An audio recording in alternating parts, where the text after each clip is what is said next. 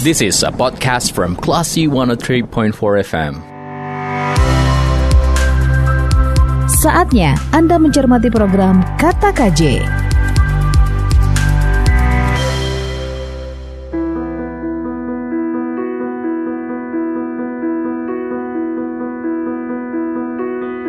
Dari Bumi Karangputih Darung Padang, Rotor Pain for Classy FM, this is the actual radio. Assalamualaikum, apa kabar Classy People? Semoga Anda selalu dalam keadaan uh, yang terbaik ya, sehat.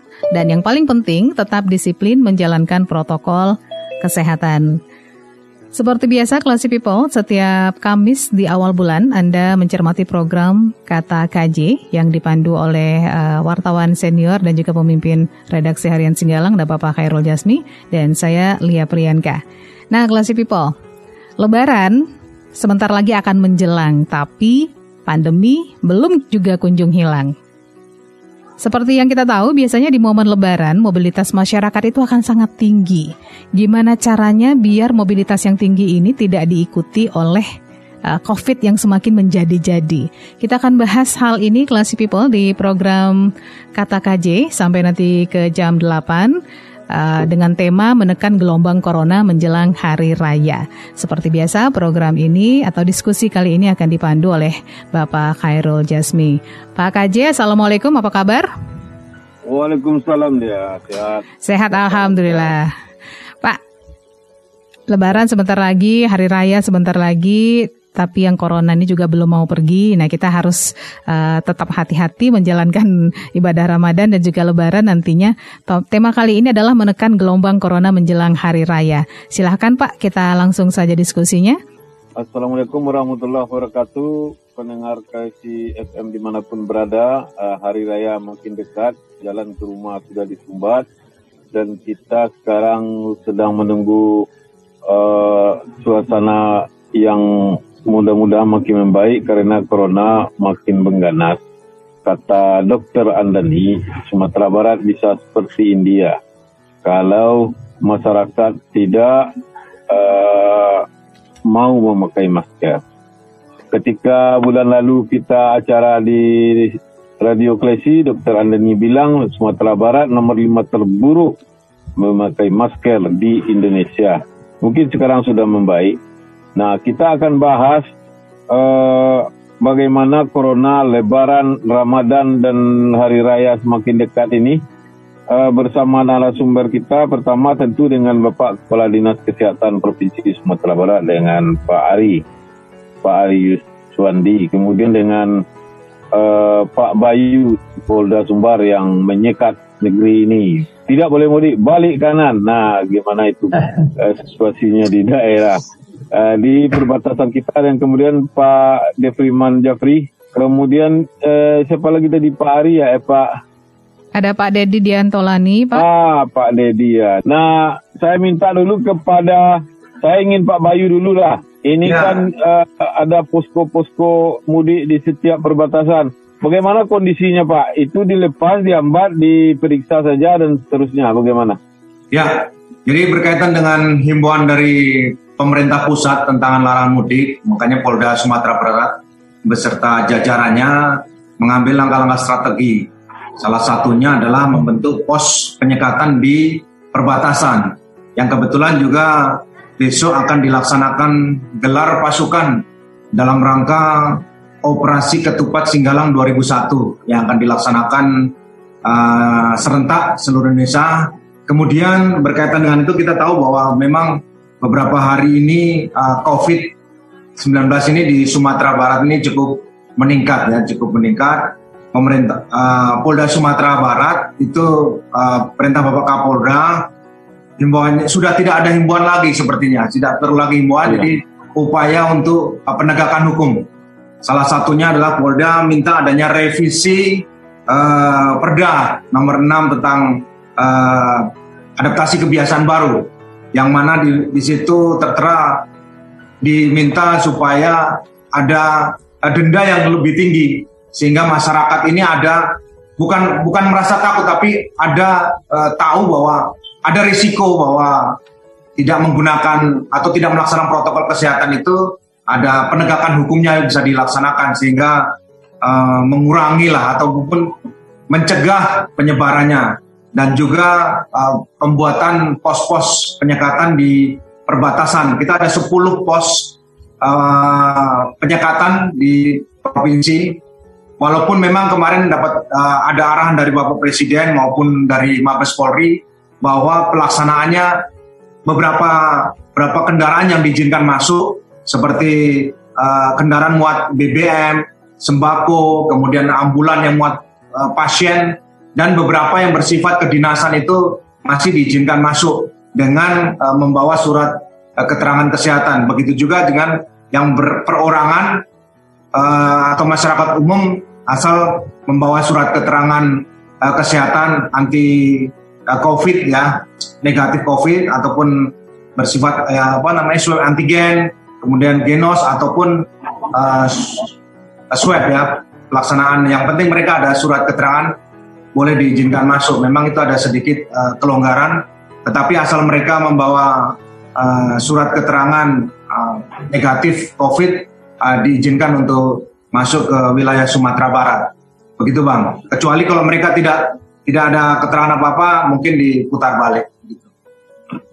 Uh, baik Pak uh, Bayu, saya mendengar uh, kepolisian agak kesal karena Pemprov Sumbar agak lemah dalam uh, uh, penanganan COVID ini benar itu? Ya intinya kita bekerja merah putih untuk Indonesia untuk Sumatera Barat lah. Apa ya merah putih kita semua Pak Kepala Dinas Kesehatan Sumatera Barat Pak Ari. Saya serius ya, dengar ya. di luar bahwa uh, uh, kepolisian Sumatera Barat ini agak kesal dengan pemerintah Sumatera Barat kabupaten kota karena agak lalai. Nah gitu. Tapi tentu instansi per instansi tidak akan pernah menyebut. Tapi wartawan mendengar di bawah. Gimana tuh Pak? Ya ya ya. Jadi begini Bang KJ, kita ah. di provinsi kan selalu berkoordinasi juga termasuk dengan uh, kepolisian daerah. Hmm. Terakhir memang ketika terjadi peningkatan kasus yang cukup tinggi ya hmm. bulan April yang lalu, kalau kita meyakininya di Dinas Kesehatan Provinsi Sumatera Barat bahwa memang terjadi eh, apa namanya kondisi di mana masyarakat tidak lagi begitu peduli, tidak acuh dengan protokol kesehatan. Ini sebenarnya kuncinya. Di banyak tempat kita lihat ya, kalau kita berkunjung ke beberapa daerah, demikian kondisinya Bang Gaji. Pakai masker ini sekarang sudah malas orang. Iya ya. Merasa tidak nyaman. Kemudian uh, pasar-pasar sudah ramai dikunjungi. Uh, rumah makan, kafe-kafe juga demikian. Nah, memang butuh uh, penguatan, butuh uh, apa namanya penegakan disiplin kita Bang Haji. Kalau nanti kita di kesehatan ini litak juga karena dia nih Bang Haji mengurus orang-orang nggak mau diurus eh, yang nggak mau patuh ini Bang Haji. nah ada ada toko kita sebelah yang tukang disiplin kita minta pendapatnya Satpol PP ya. Sumatera Barat. Ya terima kasih. Assalamualaikum Bang KJ. Ah, iya. Ya segar nih. Sehat Bang KJ aja. Ya, jadi ya. jadi tidak salah juga Bang KJ tadi karena bilang saya masih di perhubungan. Memang dulu saya di perhubungan. Dulu ketemu ya. Bang KJ masih di perhubungan. Sekarang sudah di Pol PP dia. Sekarang sudah di Pol PP, tapi masih pakaiannya masih ada pangkat-pangkatnya, Bang KJ. Iya, tapi tidak bisa mengalahkan pangkat uh, Pak uh, Satake Bayu. Oh, tidak ah. bisa, beda, beda.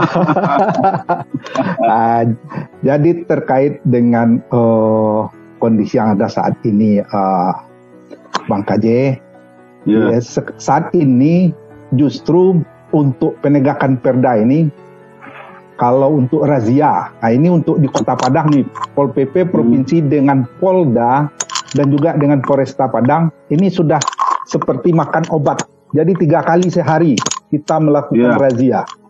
Dan yeah, yeah, ini yeah, yeah. pun untuk memberi efek jerah ke masyarakat, uh. kita pergunakan uh, namanya oh, ini polisional. Jadi kita orang yang kita dapat di lapangan kita bawa naik mobil Dalmas itu ke Polresta atau ke Polda itu sekarang uh, Bang KJ. Yeah. Nah, jadi uh, tapi saya lihat mereka tidak pakai masker dinaikkan ke truk di atas truk tak bermasker pula. Ha, tadi dia sendiri sekarang ramai-ramai. Oh ya, ada ada, ada kita kita bagikan masker bagi yang tidak Oh. pakai masker. Kita bagikan. Bukit tinggi saya lihat di Bukit Ah, Tinggi. Oh, di Bukit Tinggi ya. Kalau untuk di Iya. Padang sekarang seperti itu sampai malam kita tiga kali sehari. Pokoknya seperti Luar makan biasa. obat.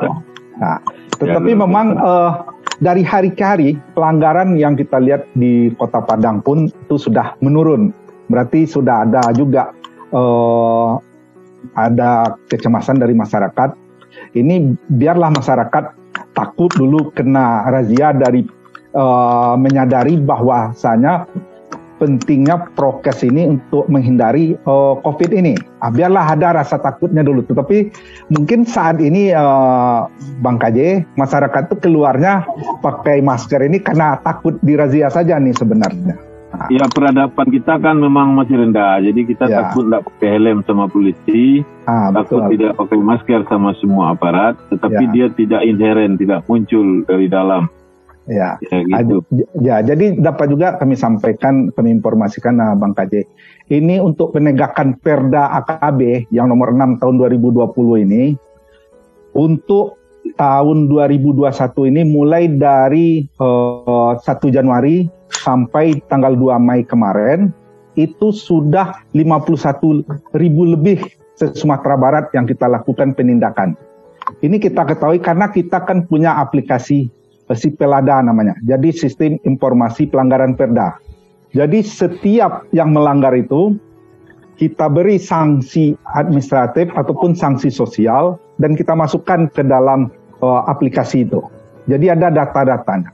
Bagi orang yang sudah lebih dari dua kali melanggar nanti kita ketahui itu bisa kita tipiring. Kita tipiring memang tadi apa yang disampaikan Pak Stake Bayu yang memang itu juga keluhan Pak Kapolda karena dianggap rendah sekali waktu itu. Jadi dalam tipiringnya pun itu diputuskan itu maksimalkan dua hari kurungan atau denda 250. Nah, sedangkan Pak Kapolda menginginkan minimal itu dua hari, maksimal tujuh hari untuk eh, perorangan. Nah, untuk pelaku usaha juga seperti itu. Nah, ditingkatkan supaya ya maksudnya itu untuk efek jera aja. Jadi kita sanksi itu bukan untuk eh, berpikir untuk mendapatkan PAD. Memang sanksi yang kita laksanakan selama ini Bang KJ ya, itu baik itu eh, kerja sosial membersih-bersihkan eh, tempat-tempat umum dan juga ada denda administratif. Tapi tujuan Hmm. kita bukan mendapatkan PAD dari itu. Ya, ya. Ini perda kita ini dilaksanakan oleh kabupaten kota baik itu eh, secara gabungan ataupun per instansi karena polisi pun bisa melaksanakan perda ini dan memasukkannya ke aplikasi. Jadi data yang ada di Sepelada itu se Sumatera Barat itu seluruh institusi eh, penegak eh, aturan di perda itu termasuk dari kepolisian juga Bang Bang KJ. Jadi eh, aktif sekarang justru Bang KJ. Baik, kalau Ya, begitu saya ingin lanjutkan ke Pak Bayu, tapi setelah pesan-pesan berikut ini. Baiklah si people, setelah tadi kita dengarkan diskusi yang dipandu oleh Bapak KJ, Pak Khairul Jasmi, kita break sejenak, jangan ke mana-mana, tetap di 103,4 Klasi FM Padang. This is a podcast from Classy 103.4 FM. Kata KJ, only on Klasi FM.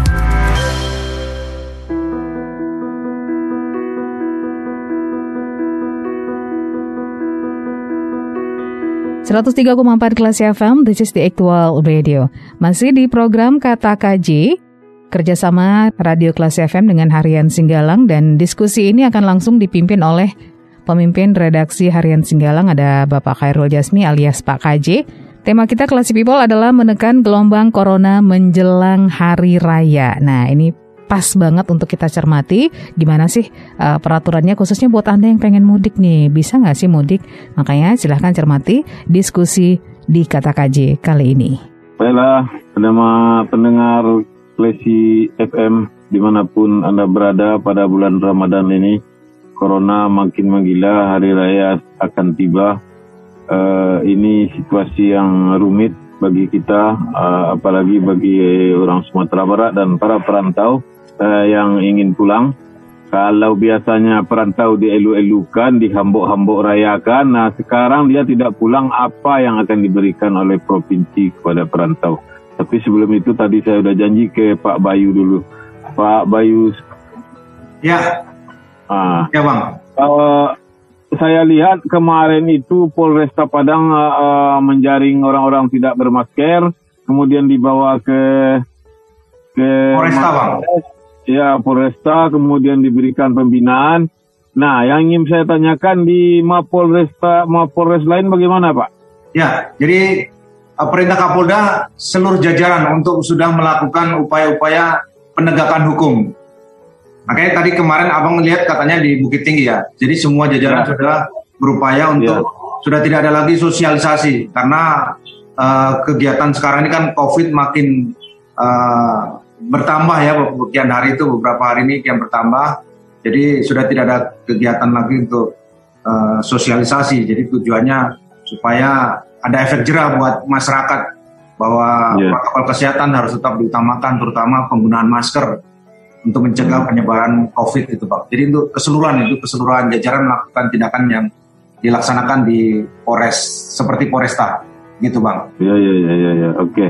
Uh, eh, Pak Wayu apa ada laporan yang perlawanan enggak? Saya nggak mau pakai masker ada enggak terdengar dari dari daerah? Uh, sementara tidak ada mereka ya walaupun awalnya nggak berupaya malah tapi mereka mengikuti saja karena polisinya juga banyak mungkin satpol pp-nya juga banyak itu kan bersih yeah. perorangan jadi uh, intinya yeah. tidak ada alasan ya tidak ada alasan untuk yeah. uh, tidak dibawa untuk diambil tindakan gitu bang benar ini kayak razia gabungan ya kalau yeah, sudah seperti ini tidak ada lagi acara untuk melawan Ya. Pokoknya laksanakan gitu ya. Mudah-mudahan uh, apa yang dilakukan oleh aparat kita dan uh, dibantu Satpol PP di daerah membuat uh, Sumatera Barat daerah yang kembali nyaman, tidak lagi oranye apalagi merah bagi corona karena makin merah dia makin tinggi uh, risikonya polisi makin sibuk kan gitu Pak? Ya, betul Bang. Nah, berdiri lagi di simpang-simpang jalan, pakai mic, menyiarkan masyarakat agar ke rumah dan seterusnya. Kita kan tidak mau juga polisi disibukkan oleh bukan tugas utamanya. Ya kan? Ini kan kesehatan Pak, bukan tugas polisi sebenarnya nih. Ya. Tapi sudahlah, karena ini memang wabah. Nah, ada ada harapan lain tidak dari kepolisian Pak? Ya intinya kita berharap pada masyarakat untuk patuh protokol kesehatan, terutama kalau apa keluar rumah kemudian mengunjungi tempat-tempat publik itu harus gunakan masker begitu. Ya, ya, ya. Nah, kita berharap kepada pengelola juga pengelola baik itu kafe, tempat, nah, kafe, tempat mall dan sebagainya. Di situ kan ada security. Pengelola ya. itu wajib uh, memberikan arahan ataupun menghimbau kepada pengunjungnya untuk tertib uh, protokol kesehatan. Itu, Bang. Baik, baik Pak Bayu. Uh, Pak Ari, Pak Kepala Dinas kita. Bang Kaje. Nah Pak, ada kesulitan pertama masker ini kan dibeli. Ya. Karena ya tidak ada uang betul sebenarnya. Tidak semua orang bisa beli masker walaupun itu murah. Itu satu. Kesulitan kedua, tempat-tempat cuci tangan yang dulu ada pada bulan Maret 2020, ada sabun, ada tempat cuci tangan. Nah sekarang sudah pecah, airnya sudah tidak ada dan segala macam. Ah, gimana memantaunya tuh Pak? Jadi dua hal, satu masker, kedua tempat cuci tangan di tempat-tempat umum. Iya, untuk masker ini sebenarnya kan e, kalau dibeli seperti masker yang dipakai oleh petugas medis kan memang butuh biaya yang banyak juga Bang Haji. Tidak-tidaknya masker kain yang selama ini sudah pernah kita pakai itu kan masih bisa kita manfaatkan ya yang hmm. pernah dibuat oleh eh, banyak pihak ya termasuk UKM ada SMK yang buat ya itu bisa, hmm. bisa kita pakai. Nah kalau bagi-bagi masker ini kan konsekuensinya angko-angko nih bang Gaji. Iya. Nah, jadi kalau kita sepanjang memang tersedia anggaran kita akan siapkan masker ya sesuai dengan kebutuhan yang ada. Tapi tidak mungkin lah karena seluruh masyarakat mau kita maskeri dengan dana APBD tidak, mungkin dong Bang Gaji uh, jadi harapannya masker yang sudah ada selama ini pun sebenarnya masih bisa dimanfaatkan. Uh, sekarang ada keluhan uh, angka kita meningkat. Uh, kemudian tes kita menurun karena uh, regennya kurang. Benar tidak tuh Pak?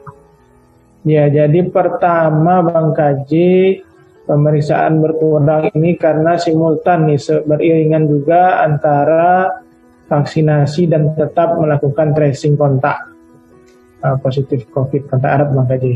Yeah, nah, Alhamdulillah yeah. sekarang kita dibantu nih TNI Polri Bang Kaji. Jadi yeah. biasanya yang tracer di wilayah puskesmas itu alat petugas puskesmas sekarang tracernya dibantu TNI Polri, Babinsa dan Babin Kaptipmas ikut bantu sekarang Bang Kaji. Nah, sehingga tidak terlalu litak lah gitu tenaga kita yang di puskesmas. Ya, kan? karena yang mau vaksin uh, agak susah ya. Ya, meyakinkan orang mau divaksin itu PR juga buat teman-teman Bang Gaidi. Iya betul. Ini menyangkut lagi pada peradaban dan pengaruh-pengaruh dari uh, media sosial yang tidak dicerna dengan baik di Sumatera Barat. Baiklah. Uh, mana kepala Pol PP kita yang baru tadi? Pak. yes. Pak Pol PP. Eh. Ya, nah, berapa berapa berapa personil yang dikerahkan di Sumatera Barat untuk uh, mencegah penularan COVID ini, Pak? Ya, jadi kalau untuk personil setiap daerah berbeda-beda, uh, Bang KJ. Kalau Padang ya. itu yang Kota Padang saja mungkin satu hari itu ada 150. Kalau provinsi sekitar 50 kita uh, ya mengerahkan personil dan itu bergabung dengan uh, Polda dan juga dengan Polresta kalau untuk di Kota Padang hmm. provinsi bergabung yeah. di situ. Uh, di kabupaten kota ya ada 50-an sampai uh, 70-an lah rata-rata setiap hari itu. Hmm. Jadi itu tadi sampai itu saya uh, uh, sampaikan ke Pak ke Bang KJ tadi dari Januari saja 1 Januari sampai dengan uh, 2 Mei kemarin hmm. sudah 51 ribu lebih yang kita beri sanksi. Hmm. Itu masifnya kita melaksanakan penegakan perda. Tapi memang yeah. itulah kondisi yang ada di masyarakat kita. Nah, hmm. Masih ada juga pelanggaran. Nah, itu. Yeah, yeah, yeah. Nah, ini, hmm. ini, ini. Jadi ini memang tanggung jawab kita bersama. Nah, ini terkait juga apa tadi uh, Bang KJ yang disampaikan hmm. Pak Stake Bayu.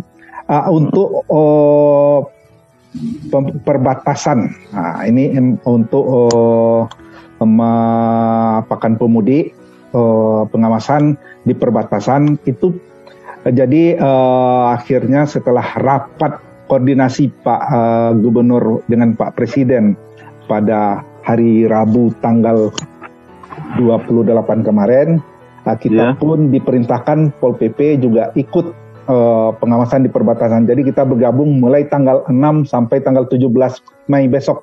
Jadi akan tanggal 6 ya. Ya, 6 sampai uh, tanggal 17 Mei. Jadi selama 12 hari. Jadi ini akan berlaku seperti tahun yang lalu. Jadi uh, kita akan mengadakan pos terpadu lagi di perbatasan. Bergabung nanti polisi, TNI dan juga Dinas Kesehatan, uh, BPBD, Pol PP dan Perhubungan. Nah, itu. Pak Bayu. Itu kan kita operasi bersama tanggal 6 di perbatasan-perbatasan. Bukankah mereka sudah pada pulang sebelum uh, uh, tanggal 6? Ya, memang ada beberapa masyarakat yang sebelumnya ada sudah pulang mudik terlebih dahulu karena mungkin ya. takut dengan tanggal 6 sampai 17 itu tidak bisa mudik. Jadi mereka ya. melakukan pramudik lah itu, jadi lebih awal. Ya memang ada beberapa yang sudah uh, mendahului walaupun kita pengamanan pos itu sudah dibentuk dari tanggal 22. Jadi yeah, mereka yeah. hanya dicek dicek uh, surat keterangan saja yang mereka datang gitu. Mm. Jadi kalau tidak ada bawa apa-apa mereka uh, disuruh putar balik memang ada beberapa Polres yang yang melakukan hal itu. Tetapi tadi kita dapat uh, arahan juga dari Bapak Kapolda supaya kalau tidak ada mereka surat dilakukan pengecekan di tempat ya. Pengecekan di pos tempat itu ada bekerja sama dengan dinas kesehatan. Nah, itu supaya dia. supaya diketahui kondisinya sehingga bisa masuk ke Sumatera Barat gitu Bang. Iya, iya. Iya betul. Baiklah. Uh, Pak Bayu udah terima WA bahwa mobil putar balik belum ya? Ada WA lucu-lucu? Udah? Ada beberapa memang. Ada. Uh, kalau di antar uh, ada beberapa kayak Polres Junjung itu kemarin juga melakukan putar balik beberapa kendaraan. Iya karena memang oh. belum dilakukan belum ada dinas kesehatannya mungkin di sana sehingga ya. belum dilakukan uh, pengecekan. Nanti kalau ada ada dinas kesehatan yang hmm. di pos nanti kan kita gelar tanggal 5 ini Bang. Kita tanggal 5 ini akan gelar pasukan jadi mulai tanggal 6 itu udah lengkap mungkin yang ada di pos PAM itu baik oh. dari Satpol PP maupun dari uh, dinas terkait, terutama kesehatan. Mereka hmm. uh, kalau ada kenda apa masyarakat ataupun kendaraan yang akan masuk ke wilayah Sumatera Barat, nah itu akan ya. dilakukan uh, cek kesehatan mereka, terutama masalah uh, negatif COVID. Kalau negatif COVID ya diizinkan untuk masuk ke wilayah Sumatera Barat. Begitu, kalau Pak. positif kita bawa ke rumah sakit. Ya kalau ada positif dari Polres Jajaran sudah menyiapkan juga ruang-ruang isolasi tempat-tempat ya, isolasi betul. yang Jadi, disiapkan di wilayah tersebut. Jadi yang sudah terlanjur jalan misalnya nekat, kalau dia positif jangan takut karena akan ada ruang isolasi. Ya. Yang manusiawi di kampung sendiri, ya kan? Ah, betul bang. Baiklah, Pak Kadis Kesehatan kita. Ya, Bang Gaji. Nah, Pak, ini kan ruang-ruang isolasi ini penting nih. Kalau iya ada yang pulang dan ada yang positif, uh, itu koordinasinya ke Bapak kan kalau ruang isolasi? Ya, jadi gini Bang KJ, kita kan Sumatera Barat termasuk ikut dalam instruksi Mendagri melaksanakan PPKM Mikro. Ya.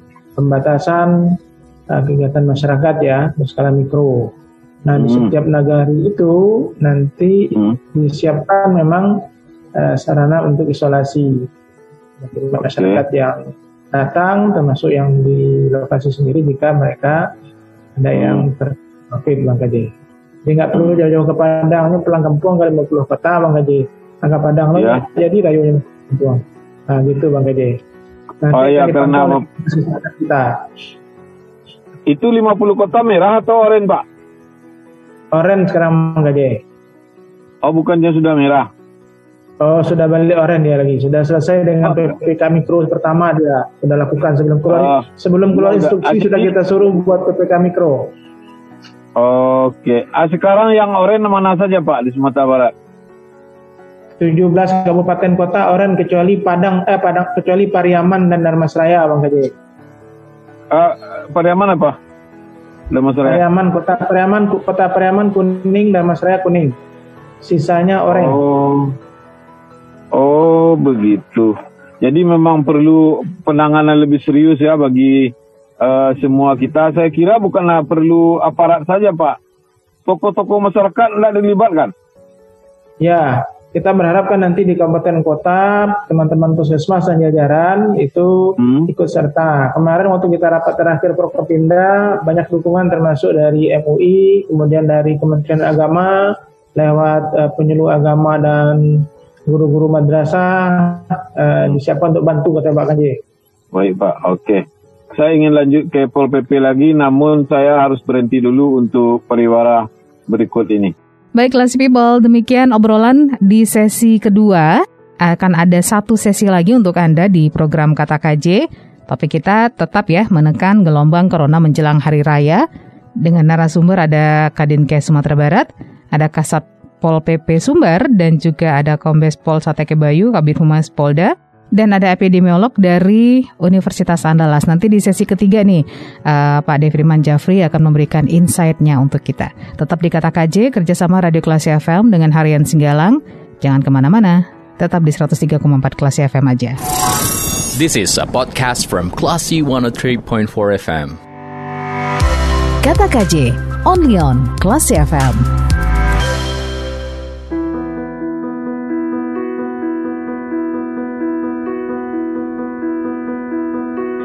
103,4 kelas FM, this is the actual radio. Classy People, Anda masih mencermati program Kata KJ. Untuk Anda yang ingin mencermati ulang diskusi ini sedari awal ya, Anda bisa mencermatinya melalui podcast kami, ada di www.classfm.co.id, bisa masuk ke situs itu, atau silahkan juga buka aplikasi kami ya, Classy FM, sudah tersedia di App Store dan juga di Play Store. Anda juga bisa mencermatinya via YouTube Classy People. Uh, selain bisa menikmati obrolan, juga bisa melihat langsung siapa narasumber hari ini. Silakan masuk ke channel Classy FM di YouTube.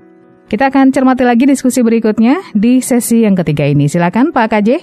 Pendengar Radio Klesi mana pun Anda berada, ini acara Kata KJ kerjasama uh, Radio Klesi dan Harian. Pak Jefriman. Ya. Bapak uh, mesti bicara agak panjang nih uh, tentang manfaat dari uh, penyekatan daerah bagi penyempitan penularan uh, corona atau membatasi uh, makan memutus mata rantai. Nah, apa yang mesti dipahami oleh masyarakat kenapa pemerintah melakukan hal semacam ini? Silakan, Pak.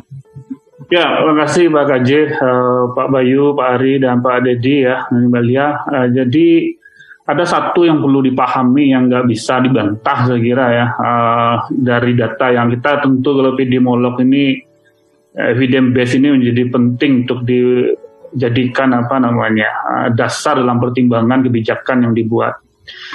Itu adalah artinya gini mobilitas orang atau per, uh, pergerakan populasi ataupun penduduk ini itu berkaitan erat dengan peningkatan kasus itu perlu dipahami Pak KJ itu tidak bisa dibantah lagi gitu. Karena salah satunya itu bagaimana kita bisa me membatasi pergerakan uh, masyarakat ini atau populasi ini. Nah ini kan se sebuah keniscayaan gitu.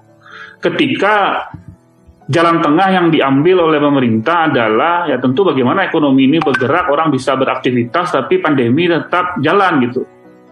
Nah, hmm ini yang harus menjadi pertimbangan. Uh, banyak yang agak sulit kita mencari uh, ruang seperti apa pengendalian itu. Nah, tentu jawaban yang paling mudah ya kalau kita memahami satu-satunya jalan untuk me menghadapi itu adalah ya adaptasi gitu. Nah, itu yang dibuat perdanya. Nah, tapi saya melihat di konteks Sumatera Barat proses adaptasi itu yang mohon maaf gitu, itu yang belum terbentuk gitu. Nah ini kan suatu barang yang apa namanya yang tidak mudah merubah perilaku atau kebiasaan baru itu. Nah ini yang dulu saya wanti-wanti ini mohon maaf Pak Ari ya dari awal ini mungkin Pak Ari waktu masih sekretaris itu ini kita tolong di, dibuat Pak Gubernur bagaimana me, apa strategi atau program dalam pembentukan perilaku kebiasaan baru itu gitu. Nah yang saya pahami itu hanya sekedar ya oke okay, saya sering berdiskusi dengan Pak Jasman ya kita sudah membuat baliho sekian bukan itu dia bukan sifatnya statis tapi memang suatu proses gitu dan itu dievaluasi dan benar-benar benar ada apa namanya uh, data yang bisa memberikan gambaran proses adaptasi itu berjalan apa tidak gitu nah itu itu poin yang paling penting ketika apa kita sudah satu tahun nih menjalani uh, pandemi ini. Nah, terus yang kedua, saya melihat ini pertanyaan yang agak menggelitik juga Pak KJ. Pertanyaan saya ya. adalah, apakah status sekarang ini kasus yang tidak apa masih terkendali atau memang ya artinya jumlah kasus kalau kalau di kita jumlah kasus turun naik itu wajar saja. Nah karena memang di awal tahun tidak hanya Sumatera Barat tapi secara nasional memang testing itu turun. Nah, ini ibaratnya kalau menurut saya, ini uh, undetected cases saja yang belum terdeteksi sebenarnya. Karena memang di awal-awal Januari itu testing itu menurun gitu. Dan mungkin ini, ini mungkin ya, ini, ini prediksi saya, itu mungkin salah satu juga kepala daerah maupun juga masyarakat memahami mungkin oh mungkin awal tahun ini udah mulai bisa melandai ini gitu. Padahal ini padahal kalau kita kaca dengan konteks Sumatera Barat atau nasional juga, yang akan dihadapi ini event besar ini. Ya lebaran dan juga uh, puasa seharusnya jangan nanti euforia ketika kasus melanda itu kita tidak antisipasi.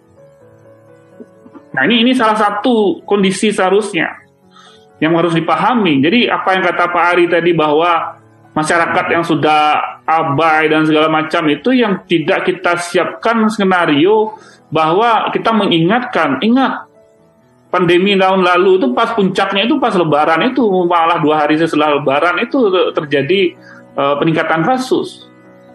Nah dan itu juga masa-masa eh, PSBB juga. Sedangkan pada saat, sekarang kita tidak tidak ada PSBB gitu. Dan uh, apa sense of emergency-nya itu kepekaan terhadap situasi kita krisis itu masih masih apa namanya masyarakat masih agak was-was gitu.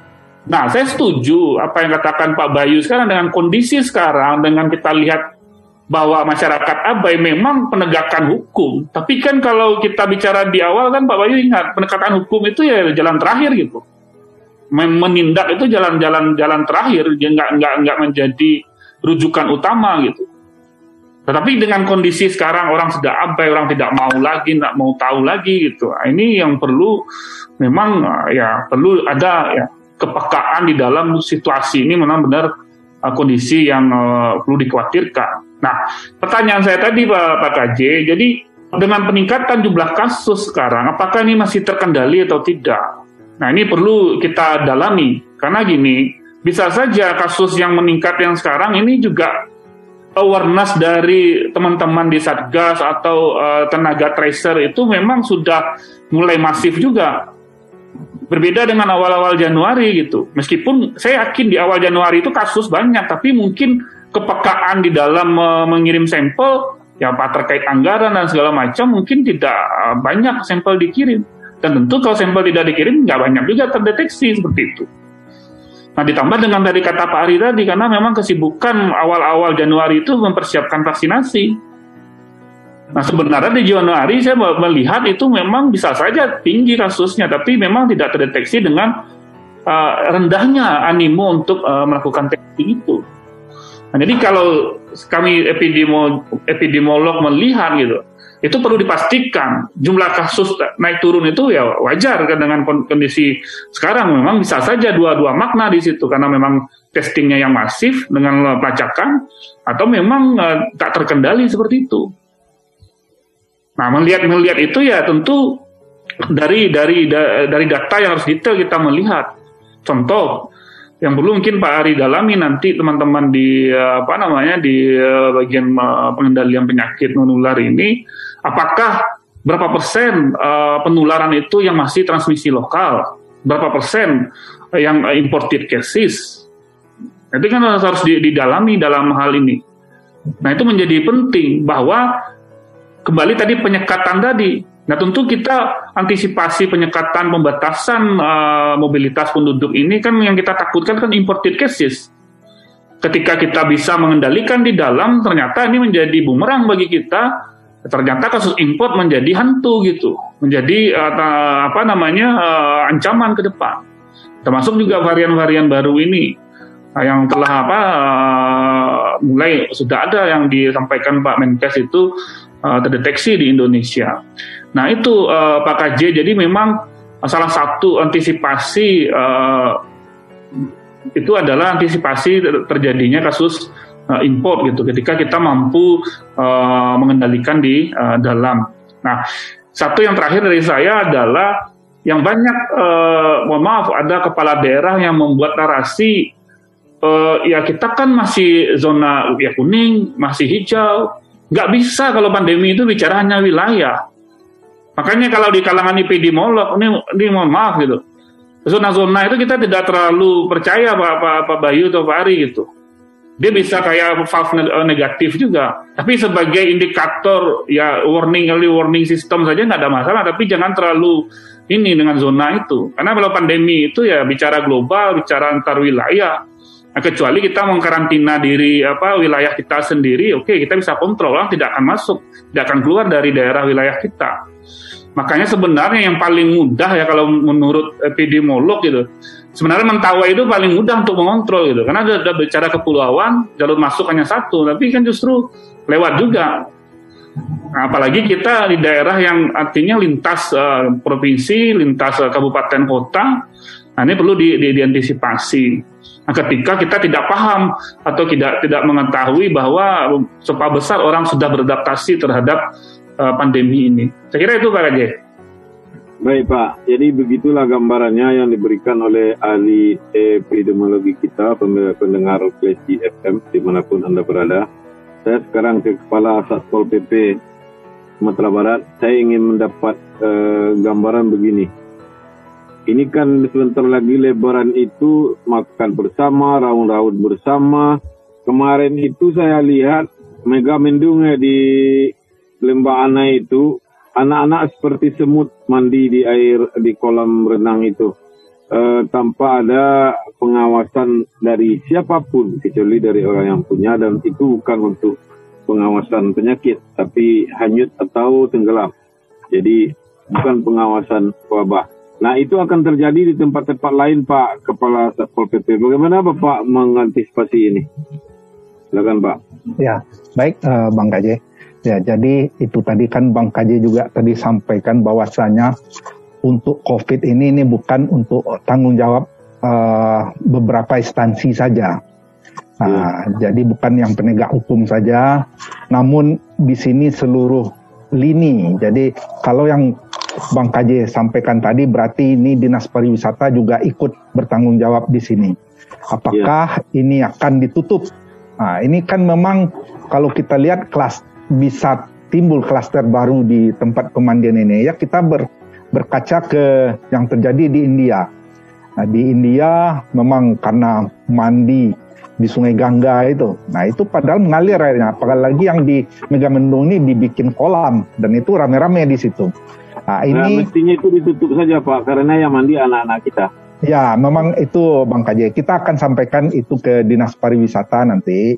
Uh, dan memang kalau memang ditutup ya kita Uh, Dinas pariwisata alasannya nanti begini, kita nggak bisa buat apa-apa, itu punya masyarakat. Coba lah kita lihat nanti kalau enggak. Uh, ya, itu itu yang penting ada regulasinya dulu kan yang Pol PP kan uh -huh. penegak perda dan perkada uh, ya. Bang KJ. Nah, kalau ya. ada aturannya yang melarang itu kalau dibuka ah kita akan lakukan penetipan. Nah, begitu juga. Tutup uh, aja semua tempat berenang anak-anak ditutup saja. Kan berenang nanti aja. Ini eh, sedang sakit negeri kita. uh, saya yakin kalau tidak tegas itu Bendung pasti dibuka. Ya, ya tidak apa-apa kita beri masukan. Nah, eh, apalagi itu Bang Kaje kalau Bang Kaje ada berbicara dengan Bupati Tanah Datar, tolong Bang Kaje sampaikan juga. Jadi ada edaran penutupannya. Jadi kita ada dasar nanti uh, melakukan uh, pengawasan di situ nanti Bang KJ. Mohon juga Bang KJ ini bantuan Bang KJ nanti. Nah, gitu. Kita juga saya, oh, sebentar lagi saya saya ya Pak Bupatinya. Ya, terima kasih Bang KJ. Ya, apa Kepala Dinas Kesehatan? Ya Bang KJ. Nah, bagaimana caranya? Eh, saya ingin tahu Pak, bagaimana caranya walaupun itu hanya untuk kebutuhan kita, kata Pak Epi, eh, Pak ahli epidemiologi kita tadi, memetakan klaster-klaster di Sumatera Barat. Kan uh, menurut orang banyak ini masjid sudah jadi klaster nih, dugaannya sekolah, pesantren Ramadan, pasar, mall. Ah, gimana tuh Pak? Benar enggak atau itu kekhawatiran orang pintar saja? Ya, terima kasih Bang Kaji berdasarkan data yang kita miliki di Dinas Kesehatan, hmm. Eh, beberapa peningkatan kasus itu kan memang ada klasternya. Kayak hmm. 50 kota itu ada dua nagari, Bang KJ. Ya. Nagari Durian Gadang dan Moropaiti. Itu terjadi klaster penularan karena memang kalau di negari Durian Gadang ada warga Durian Gadang, beberapa hmm. orang pergi baralik ke Padang, Bang KJ Iya. Pergi balik ke Padang rombongan pulang kampung balik selesai balik ada yang bergejala diperiksa positif sudah berinteraksi maka muncullah penularan di dalam antara mereka bang Gaji. Kalau yang di Moropaiti uh, kita dalami kasusnya itu ada mahasiswa yang pulang kampung bang Gaji. Dari nah, Padang juga. Dari Bukit Tinggi kalau tidak salah informasi terakhir dari Kabupaten 50 kota itu pulang kampung ya karena Moropiti kan jauh di dalam Bang Gaji.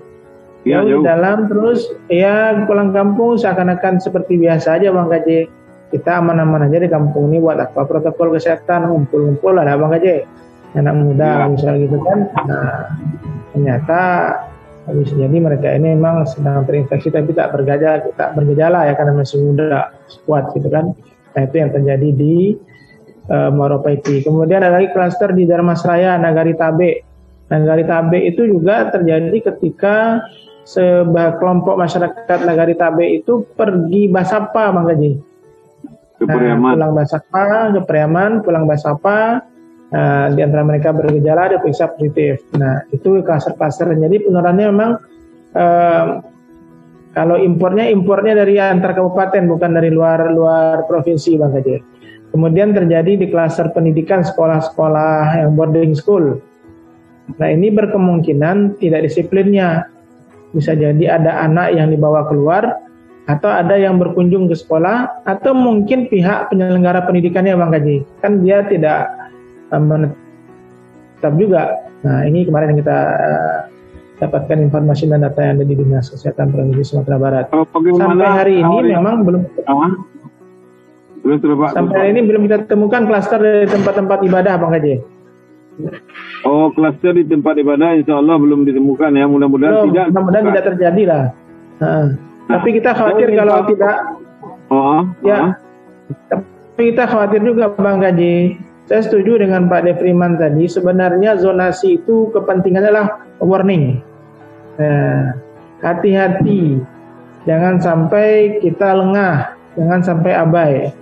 Uh, bukan berarti zona itu kita oh kan ada ada penyikapannya juga kalau zona ini masih bisa ini masih bisa ini sebenarnya bukan itu yang kita lihat tapi kewaspadaan yang lebih penting bang Gade uh, kehati-hatian nah kita tidak ingin klaster-klaster rumah ibadah itu muncul maka di awal uh, menjelang Ramadan itu kita rapat dengan Forkopimda sudah buat surat sampaikan edaran uh, untuk menguatkan itu semua namun memang tetap saja ini PR kita. Lalu eh, kemarin Bang Kaji kita rapat ke maraton pagi sampai dengan sore eh, dengan mm, Menteri Dalam Negeri, Menteri Kesehatan, Panglima TNI, eh, Kapolri, eh, Kejaksaan, Kementerian Agama, dan terakhir rapat dengan Menko Perekonomian. Eh, kesimpulan akhirnya adalah kita memperpanjang Inmendagri tentang PPKM Mikro. Yang pertama. Kemudian yang kedua memang harus dilakukan pengetatan di perbatasan. Yang ketiga rekomendasinya adalah untuk daerah zona oranye dan zona merah itu kita masih menunggu nih eh, Bang Haji, eh, Pak Mendagri menyanyikan ada instruksinya menunggu instruksi bahwa daerah yang zona oranye dan merah itu tidak boleh lagi ada sholat idul fitri, tidak boleh ada open house, tempat-tempat umum, tempat-tempat wisata harus ditutup Bang Kaji. Tidak bisa kita ber, apa namanya, membiarkan itu terus-terus berlalu. Nah itu kemarin kesimpulan rapat kita uh, di jajaran kementerian Bang Kaji. Mudah-mudahan dalam hari ini, dua hari ini keluar itu instruksi, uh, sedikit terbantu lah kita Bang Kaji. Baik, saya ingin tahu Pak, daerah nagari-nagari seperti Moropaiti dan itu tadi, eh, tanggapan masyarakatnya bagaimana Pak? Apa kesadar atau terjadi pembangkangan sosial atau apa dia salah seperti lah ya. atau gimana? Uh, masyarakatnya kalau Moropaiti uh, mereka akhirnya tersadar Bang Kaji. Nah, jadi walaupun di dalam tak bolehlah merasa aman gitu kan bagaimanapun ada orang yang masuk. Tapi kita sudah kondisikan mereka untuk siapkan tempat isolasi dan kita lakukan uh, tracing. Nah di Durian Gadang memang agak sedikit uh, lain tipe masyarakatnya yang di 50 kota itu. Memang mereka uh, mereka blok, mereka lockdown negari mereka Bang Haji. Tidak boleh orang masuk ketika sudah ada positif itu. Oh, lebih ini dia. Iya, iya. Itu lebih bagus ya uh, di satu sisi lebih bagus tapi kadang-kadang ini juga terlalu kaku bang gaji. Kita petugas kesehatan juga susah masuknya. Ah, gitu. Uh, mesti negosiasi Baik, masuk ke daerah itu. Gitu, oh kayak masuk kayak masuk kantor Pak Bayu ya? Diperiksa uh, dulu ya. lebih ketat okay, lagi dari itu bang. Uh, Pak Bayu. Ya bang. Apa imbauan Bapak kepada masyarakat ini karena lebaran makin dekat? Sehingga uh, polisi tidak perlu sibuk lagi karena himbauan itu sudah mereka uh, uh, amalkan gitu Pak. Ya, jadi apa yang dilakukan oleh uh, Polda Sumatera Barat bersama instansi terkait itu pada satu sisi dalam rangka mengantisipasi dan mengendalikan apa yang tadi disampaikan tentang penyebaran COVID. Jadi kami menghimbau kepada masyarakat uh, Sumatera Barat agar tetap mematuhi protokol kesehatan, baik uh, terutama di luar rumah, uh, terutama di tempat-tempat yang keramaian seperti mall, pasar, agar menggunakan masker, jaga jarak, dan juga upayakan tetap uh, rajin cuci tangan supaya jangan sampai uh, terkena ke diri sendiri dan keluarga. Begitu bang. Ya, baik, uh, Pak Pak Jufriman, apa himbaunya kepada masyarakat Sumatera Barat? Ya. Dia ini ahli epidemiologi, pendengar sekalian. Saya kira apa ya di dalam kondisi ini ya tentu proses adaptasi itu yang dipahami oleh masyarakat ya ketika kita beraktivitas gitu. Dari oke okay lah dari 3M kita sudah mendengar juga 5M uh, untuk melengkapi itu. Nah, tapi setidak-tidaknya kalau kita tidak juga bisa me melakukan itu ya ini masker ini menjadi utama nih menurut saya. Ketika jaga jarak atau cuci tangan nggak sempat dan segala macam, setidak-tidaknya menggunakan masker ini ke mana pun kita beraktivitas, uh, ini mudah-mudahan itu bisa benar-benar menjadi kebiasaan yang yang baru yang bisa ya meskipun pandemi pun sudah hilang ya, saya kira juga ancaman ke depan itu ya masker salah satu untuk kita bisa melindungi diri kita terhadap apa penyebaran uh, virus ini. Satu saja Pak Kaji, saya melihat ya, Pak Bayu juga Pak Dedi melihat Kebetulan saya akhir Desember 2019 eh, itu di luar negeri betul ya. Dan itu orang kalau kita lihat Pak Dedi gitu ya di di di, di luar negeri itu udah udah pakai masker gitu. dibiasakan pakai masker meskipun kita di imigrasi dan segala macam. Ya mungkin kita aja yang nggak nggak menggunakan masker gitu.